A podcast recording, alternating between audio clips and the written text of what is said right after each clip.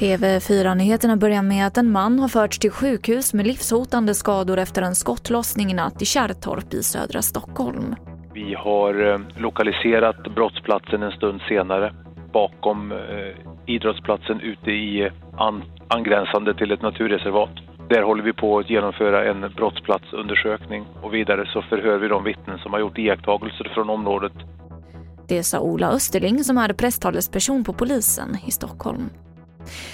De kraftiga regnoväder som dragit in över delar av landet kommer att ligga kvar nu under förmiddagen. Under natten så ställde regnet till med problem på flera håll. Bland annat så har blixtnedslag orsakat skogsbränder i Jämtland och i Kristianstad så blev det översvämning på sjukhuset. Tågtrafiken har stoppats mellan Göteborg och Falun efter att en bit av banvallen spolats bort. Och tågen beräknas rulla igen vid tretiden i eftermiddag. Och vi avslutar med OS i Tokyo och diskus där Daniel Ståhl nu är klar för final.